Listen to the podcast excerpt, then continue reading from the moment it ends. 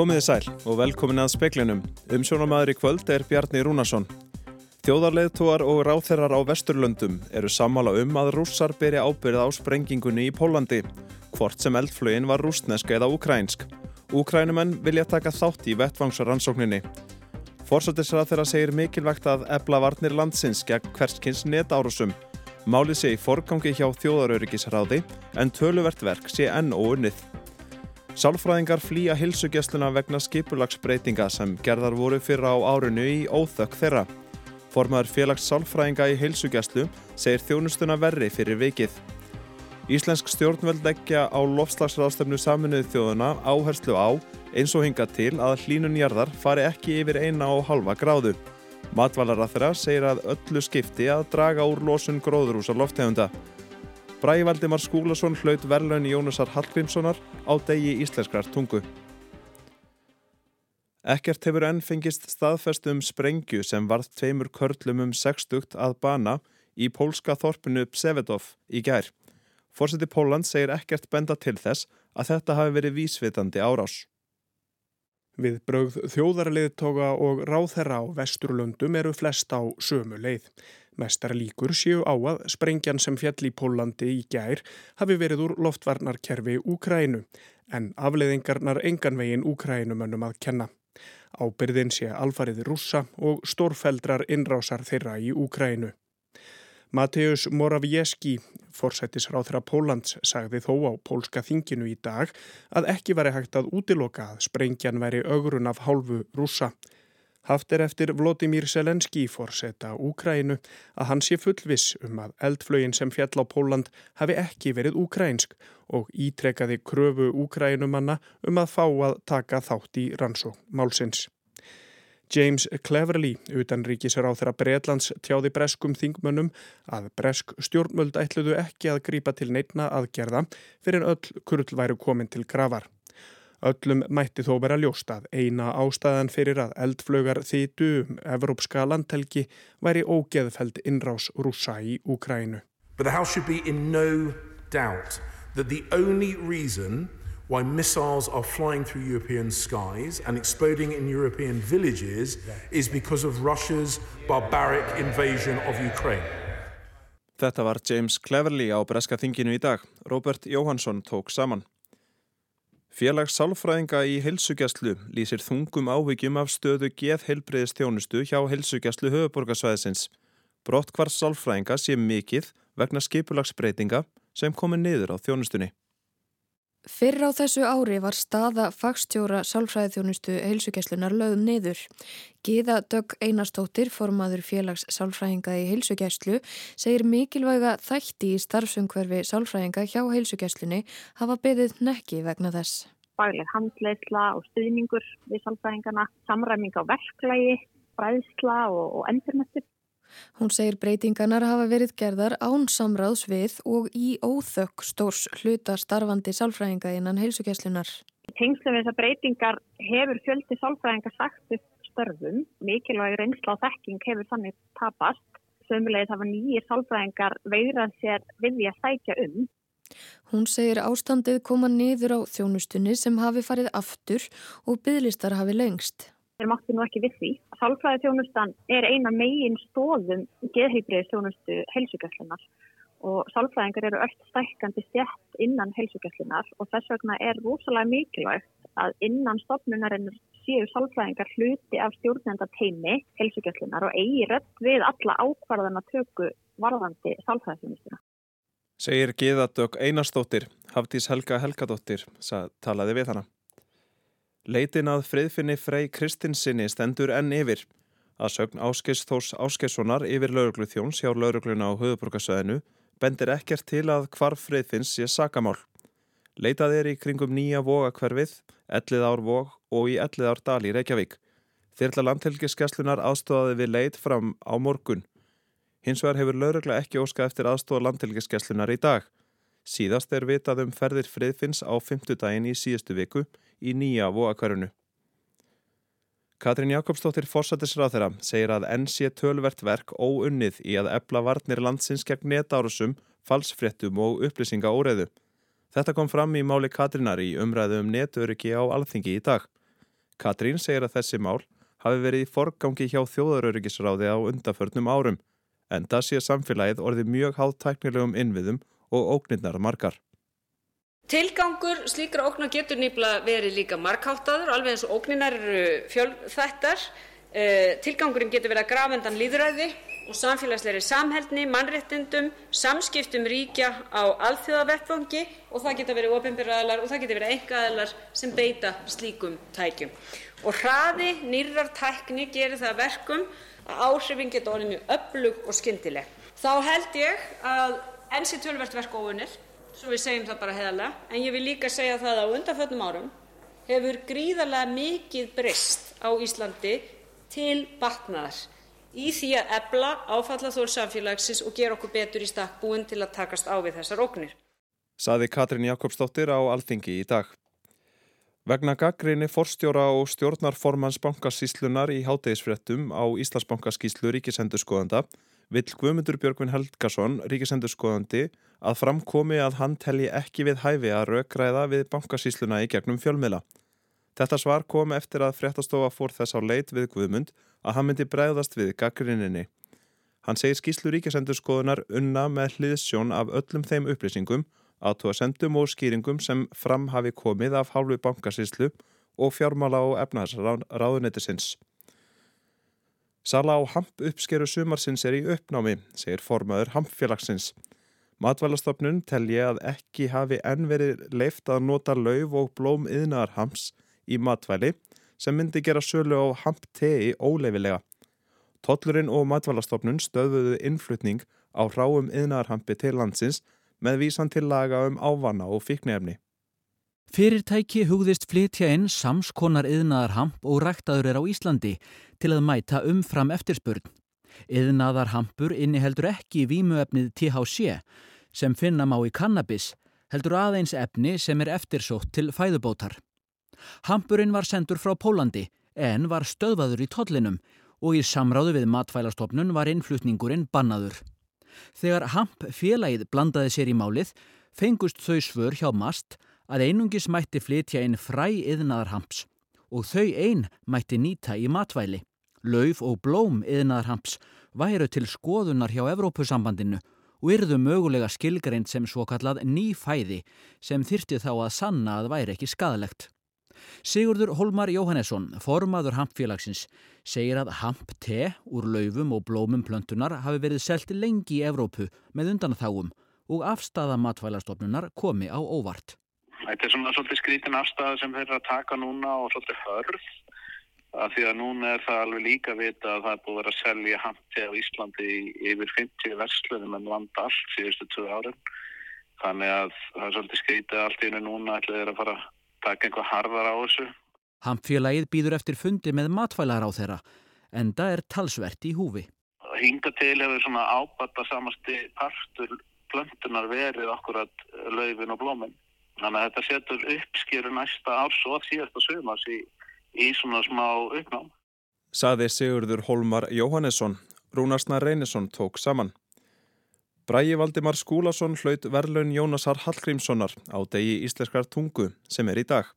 Í raukstuðningi fyrir vali á verlunahafa segir að tungumál slittni ekki við notkun heldur styrkist. Til þess að íslenska haldi velli þurfa að pöngast í henni, leika sér með hana, snúa upp á hana og út úr henni. Lýsingin á vel við þúsundþjálasmiðin Braga Valdimar sem hefur tvísvar hlotið viðurkenningu Jónasar Hallgrímssonar sem Bræi kallar Littla Jónas.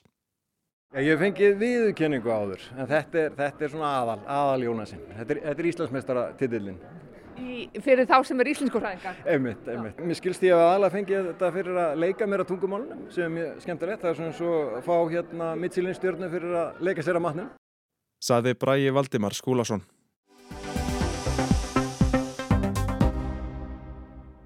Farið er að síga á setni hluta loslagsráðstefnu saminuðu þjóðan í Egiptalandi.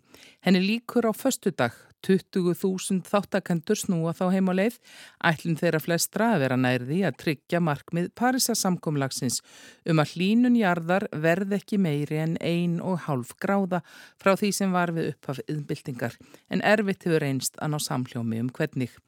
Í Glasgow á sömur ástefni í fyrra skrifuðu þáttækundur upp á yfirlýsingar um að dreyið skildi skarpt og verulega úr losun gróðurhúsaloftegunda. Nú óttast sömur að reynd sé að ná málamiðlun í skjóli þessa markmiðum eina og halva gráðu sé ekki raunsætt. Mary Robinson, fyrirverandi fórseti Írlands, viðraði slíkar áhyggjur við fjölmiðla nýlega en sagði ekki hægt að sættast á slíkt. Samtök fátækari ríkja á fundunum í Egiptalandi hafa líka líst yfir ekki megið þinna út markmiðin standaverði við að draga úr losunum helming fyrir 2030. Samtöl um það sem kalla hefur verið töp og tjón í þessu samhengi snúast á nokkru um að ríkari löndin verði að hjálpa þeim fátakari með fjárframlögum að takast á við afleðingar lofslagsbreytinga, breytinga sem komi hvað harðast niður á þeim fátæku. Svandi Svavastóttir matvælar á þeirra er í Egiptalandi fyrir höndi Íslands og ávarpaði samkomuna í gær. Hún telur ekki tímabært að örvænta um árangur og samkomulag. Við vitum það þegar við horfum tilbaka, það er oft sem það hefur gæst að það hafa átsérst að tíðindi á loka dögunum þannig að það er ekki tímabært að gefa sér niðurstöðuna þegar tveir dagar eru eftir og við vitum líka að það hafa stundum hrokkið góðar löstnir í gang algjörlega á síðustu klukkutímanum. Það er alveg rétt sem þú segir að það eru svona auðvitað alls konar tókstreita undir niðri og, og það sem að verður að ræða mest núna er kannski í fyrsta lagi það að halda takmarkinu á lífi um eina og halva gráðu að hámarki. Það er mikið verið að ræða núna um það sem kallað er töp og tjón, það er að segja áhrif lofslagsbreytinga á fólk og mannvirki og, og innviði, hvernig ekt væri að fjármagna slíkt, aðlugun og mótvæðisækjerðir en auðvitað fyrst og fremst byggir þetta allt saman á því að við þurfum að draga úr losun gróðurslagstænda.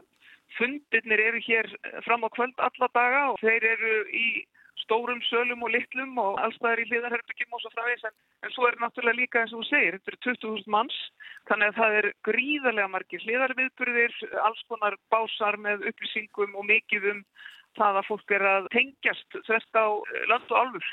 Svandi segir ekki hægt að ræða um lofslagsmál án þess að setja þau í samhengi við umræðum misskiptingu í heiminum ef maður bara horfir á heimsmarkmið saminuðu þjóðana og áhersluna þar og það að útrýma fátækt þá er það ekki tilviljun. Það að ná árangri í lofslagsmálum snýst líka um það að brúa þessi bil á milli ríkra og fátækra í heiminum. Vegna þess að aðstöðumunur þjóða og aðstöðumunur uh, samfélaga eru þetta vandamál útaf fyrir sig. Þannig að það að tala um lofslagsmál og anþess að tala um leið um fátækt og misskiptingu er í raun og veru óvinnandi vegur það sem að verður að gera þegar verður að ræða um fjármagnið almennt, það er að hluta til verður að tala um það hvernig með hvaða hætti fjármagn er flutt í gegnum sjóði og sérstakar ákvarðanir milli er heimsluta en það er líka ber á því núna að það er verið að ræða með hvaða hætti fyrirtæki og engaðilar getur komið meira að fjármagnunni. Það hefur verið hort kannski fyrst og fremst til ríkjana sjálfra. Þannig að það er svona ákveðin tótt sem maður heyrir víða núna. Afleðing hlínunar geta byrst á margan hátt en ekki síst geta þetta áhrif á vastöðu og jökla. Ég var á viðbyrði núna áðan sem að var um jökla og áherslun á það að varðveita sífreran og jöklana og það var í samstarfi í raun og veru millir Íslands og Tíli. Þetta eru svona fjöllóttur ríki sem að eiga mikið undir því að jöklarnir er að gefa af sér jökulátnar okkar og, og vatnið og svo framvegs En þarna voru líka þjóðir sem að eiga allt sitt undir því að ekki verði umtalsögð hækkun á sjáalborði. Þannig að þarna voru við í raun og verið ræða þennan mjög svo áþreifanlega þátt þegar um væri að ræða að við færum upp fyrir einu og halva gráðu. Því að það er alveg greinilegt og við höfum verið að horfa hér á vísindamenn sem að dreygi það fram með mjög skýrum hætti að ef við fariðir upp fyrir einu og halva gráðu þá erum við í raun og verið að tala um svo alvarleg og mikil áhrif bæði á ímiskonar hamfarir og, og veður og þýjumlíkt. Svandís tók á samt fleiri ráþurum frá Norðurlöndum við áskorun ungra norrætna umhverfi sinna sem brína sín stjórnvöld að kvika ekki í lofslagsmálunum og hún segir óendanlega mikilvægt að ungt fólk hafi fóristu um áherslunar sem þarf að leggja, það sitju uppi með afleggingarnar gangi ítla. Svandís flutti gær yfirlýsingu Íslands eins og áður sagði. Og við leggjum áherslu á hér eftir sem hinga til að halda einni og hálfri gráðu á lífi við samningaborðið, við leggjum áherslu á mótaðisækjörðir og við leggjum áherslu á kynjarsjónamið, ungt fólk, réttlátum skipti og bara áttunni gegn fátækt. Þannig að við erum svona höldum þessum sjónamið til haga við samningaborðin. Það hefur verið haft á orða konur, eigi ekki nægilega marga fulltrúa við borðið í þessum umræðum. Greining sem breska útvarpi BBC gerði sínda konur er um 34% samningamanna. Í sumum sendinemdunum nú eru nýju af hverjum tíu karlar. Svandi segir að kynja jafnbrettisugsunin sé líkt og baráttanum við fátækt nöðsynleg í lofslagsmál bæði upplýsingar, þekking, úrvinnsla eða eigum við að segja bara viðbröð við loslasbreytingum eru ekki síður verkefni og viðfjónsefni hvenna og þekkingar þeirra mellir kynsluða. Þannig að þessi umræða er hérna líka og þess vegna höfum við lagt áherslu á það og ég hef lagt áherslu á það að taka þátt í viðbröðum sem að tengjast sérstaklega stöðu hvenna. Lósun gróður húsaloftegunda og orkuskiptin eru líkillin en það er næstu með ólíkindum að mati svandísar hver umræðum fæðuöryggi hefur færst ofar á dagskrá í alþjóðlegu samhengi. Og svo í auknum mæli bara um fæðu keðjur hinsins og þá erum við að tala um í raun og veru aðfengin hvaða er sem að við erum háð, öðrum, vestlun, flytningsleiðum og svo framvegs friði með að geta viðað að okkur til þess að geta framleitt mat og síðan á hinum endanum hvað gerum við við þann úrgang sem oftast er svo kallaður en, en er í stórum tilveikum hráefni sem hægt er að koma aftur inn í þingarsakkerfið og lífefna hringin. Þetta er bara orðið mjög vaksand umröðu en að því þú nefnir orkusskiptin sem er sannarlega mikil tækifæri sem við hefum á Íslandi og ef einhverstað í heiminum að þá höfum við það þar En ég hef lagt á það miklu áherslu að við þurfum að halda til haga líka bæði losum frá landbúnaði, úrgangsmál, almennt, matarsóun og fjölmart fleira því að það er svo margt sem að snýst í raun og veru um það að við þurfum nummer 1, 2 og 3 að draga úr losum gróðursafáttöfnda. Það er viðfársefni, það hefur verið allan tíman og það skiptir mjög miklu máli að gleima sér ekki í einhverju einu svari við þeirri spurningu að því hún er flókin og hún úthendir bara mjög flókinsör og margskonar útfæslir.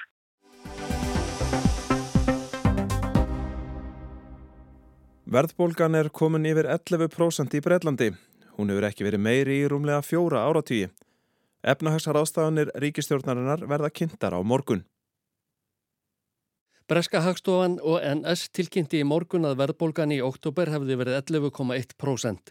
Hún hefur ekki verið meiri frá árinu 1981 í 41 ár. Ástæðana þessu sinni er engum aukin húshitunar kostnaður. Hefðu stjórnvöld ekki sett þak á orkuverð upp að 2500 sterlingspundum á ári hefði verðbólgana líkindum farið yfir 13%. Englandsbanki hafði spáð að verðbólgan í oktober yrði 10,7%. Á einu ári hefur verð á gasi hækkað um 130% og rafmagnið um 66% samkvæmt upplýsingum hagstofunar. Inflation is much higher than it should be and that is destabilizing people's uh, family finances Verðbólgan er ofhá og hún setur ráðstofunar tekjur heimilana úr skorðum, sagði Jeremy Hunt fjármálar á þeirra í viðtalstætti hjá BBC um helgina. Hann kynir á morgun í næðri málstofu Breska Þingsins nýjustu aðgerðir stjórnvalda í ríkis fjármálum. Og vist er að brettar hafa til lítils að hlakka ef marka má orð hönds. Skattar verða hækkaðir og skorið niður í ríkjusútgjöldum. En þjóðin er þraut seg, segir hann, og hefur gengið í gegnum meiri raunir á árum áður. We are going to see uh, everyone paying more tax. We're going to see spending cuts. Uh, but I think it's very important to say that we are a resilient country.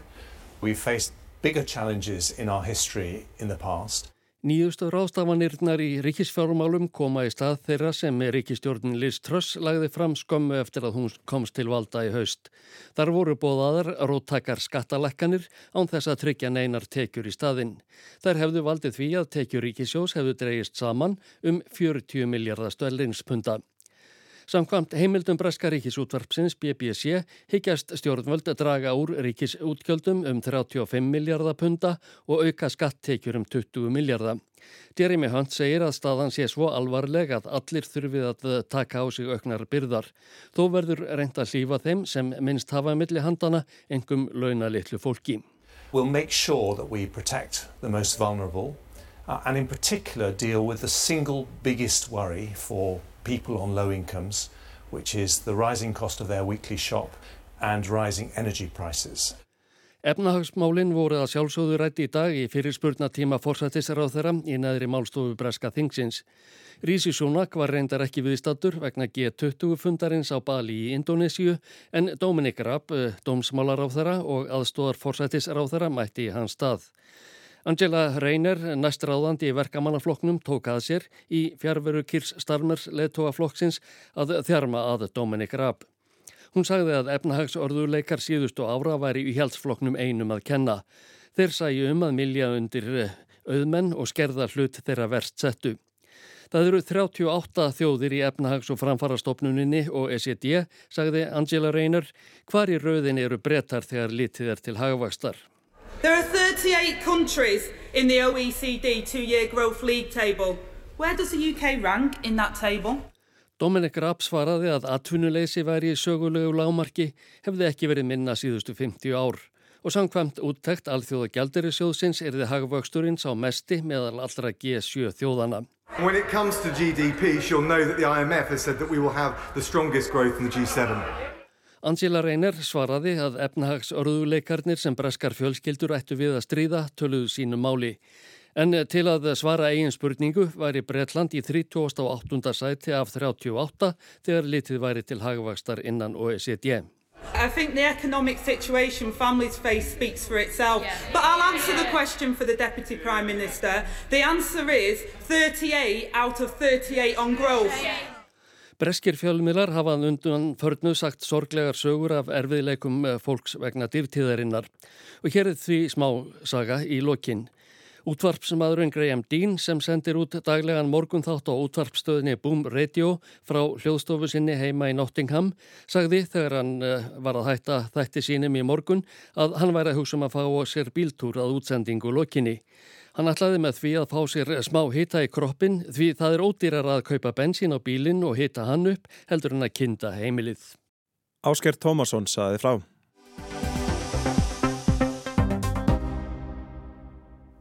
Kröpningum hefur fjölgað hér á Íslandi síðustu ár og voru 265 árið 2020 samanborið við 141 árið 2011 samkvæmt nýri rannsókn.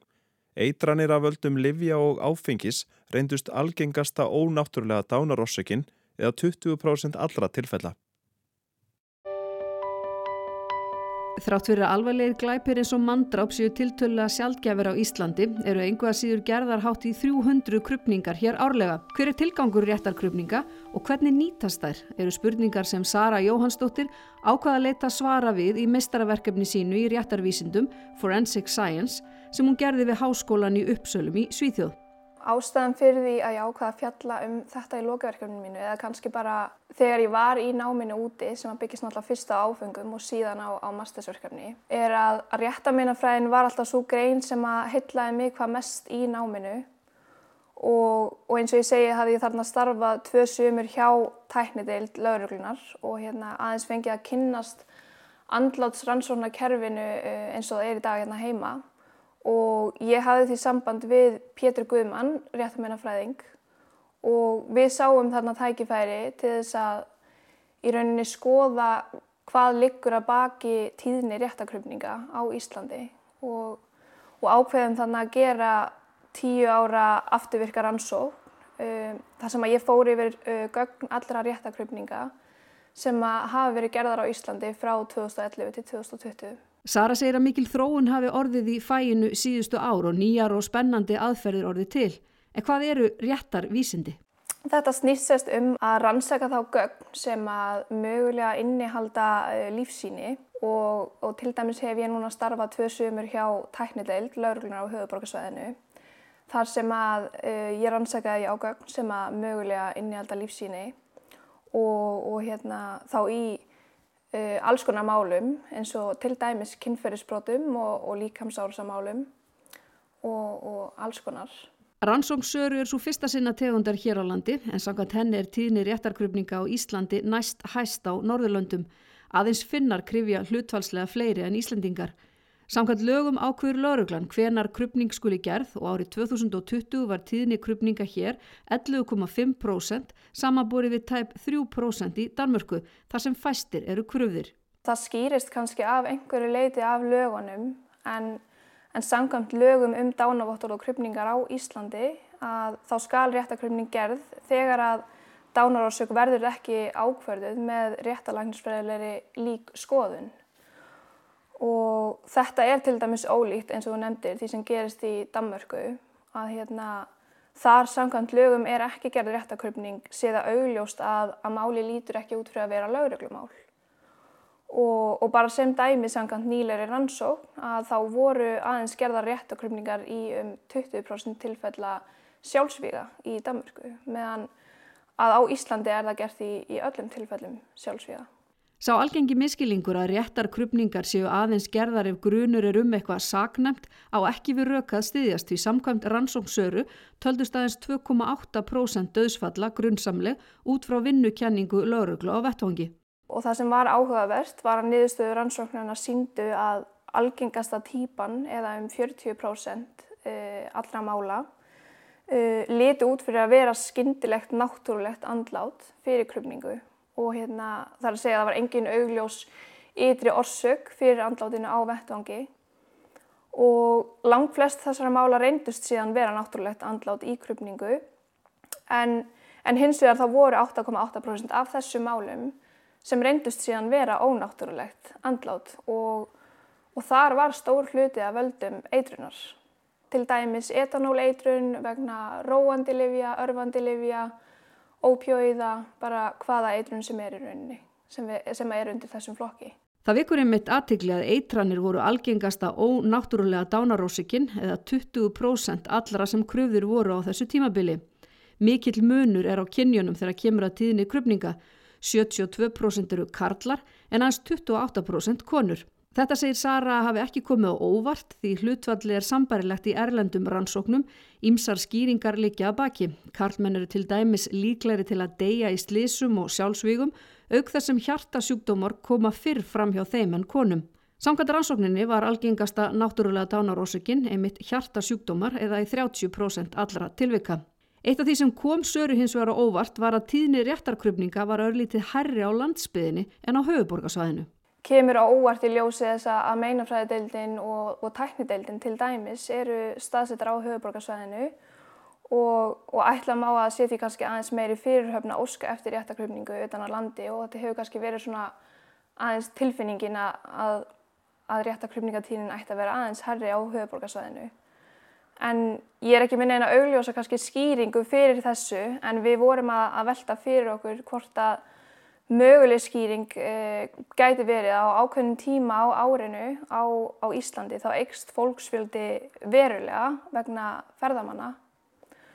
Og þessir vinsælu ferðamannastæðir eru út á landi en ekki á höfuborgarsvæðinu þannig að uh, svo hvort sem um er að ræða slís eða, eða sjálfsvík að þá, þá gæti þetta mögulega verið að hafa áhrif Rannsóknin er yfirgripsmikil, fari var yfir gögn í öllum 1878 krupningunum sem gerðar voru á tímabilinu og niðurstöðunar gefa að sögnsöru meðal annars tækifæri til að bæta og uppfæra andlátsrannsóknarkerfið. Eins og ég segi með þessari rannsókn þá höfum við kortlagt hvernig réttakrupningar hafi verið nýttar síðastliðin tíu ár og sem að opna klálega tækifæri til frekari rannsókna.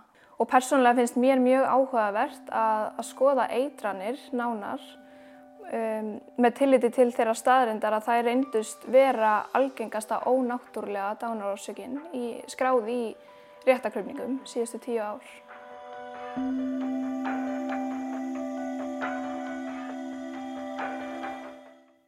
Saði Sara Jóhannsdóttir í samtali við Rakel Þorbergsdóttur. Nánari umfjöllun um réttarkröpningar verður í kastljósi í kvöld.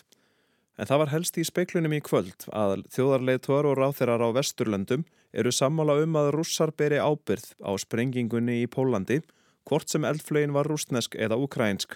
Ukrænumenn vilja taka þátt í vettvangsrannsókninni. Forsættisrað þeirra segir mikilvægt að ebla varnir landsins gegn hverkis netárásum. Málið sé í forgangi hjá þjóðarörgisráði en tölvert verk sé enn óunnið. Sálfræðingar flýja hilsugessluna vegna skipulagsbreytingar sem gerðar voru fyrir á árinu í óþökk þeirra. Formaður félags sálfræðinga í hilsugeslu segir þjónustuna verri fyrir vikið. Brævaldimar Skúlason hlaut verlun Jónasar Hallgrímssonar á degi íslenskra tungu. Fleirar ekki í speklinum, tæknimaður var Mark Eldredd, frétta átsendingu stjórnaði Margret Júlia Ingimarsdóttur. Njóti kvöldsins og verðið sæl.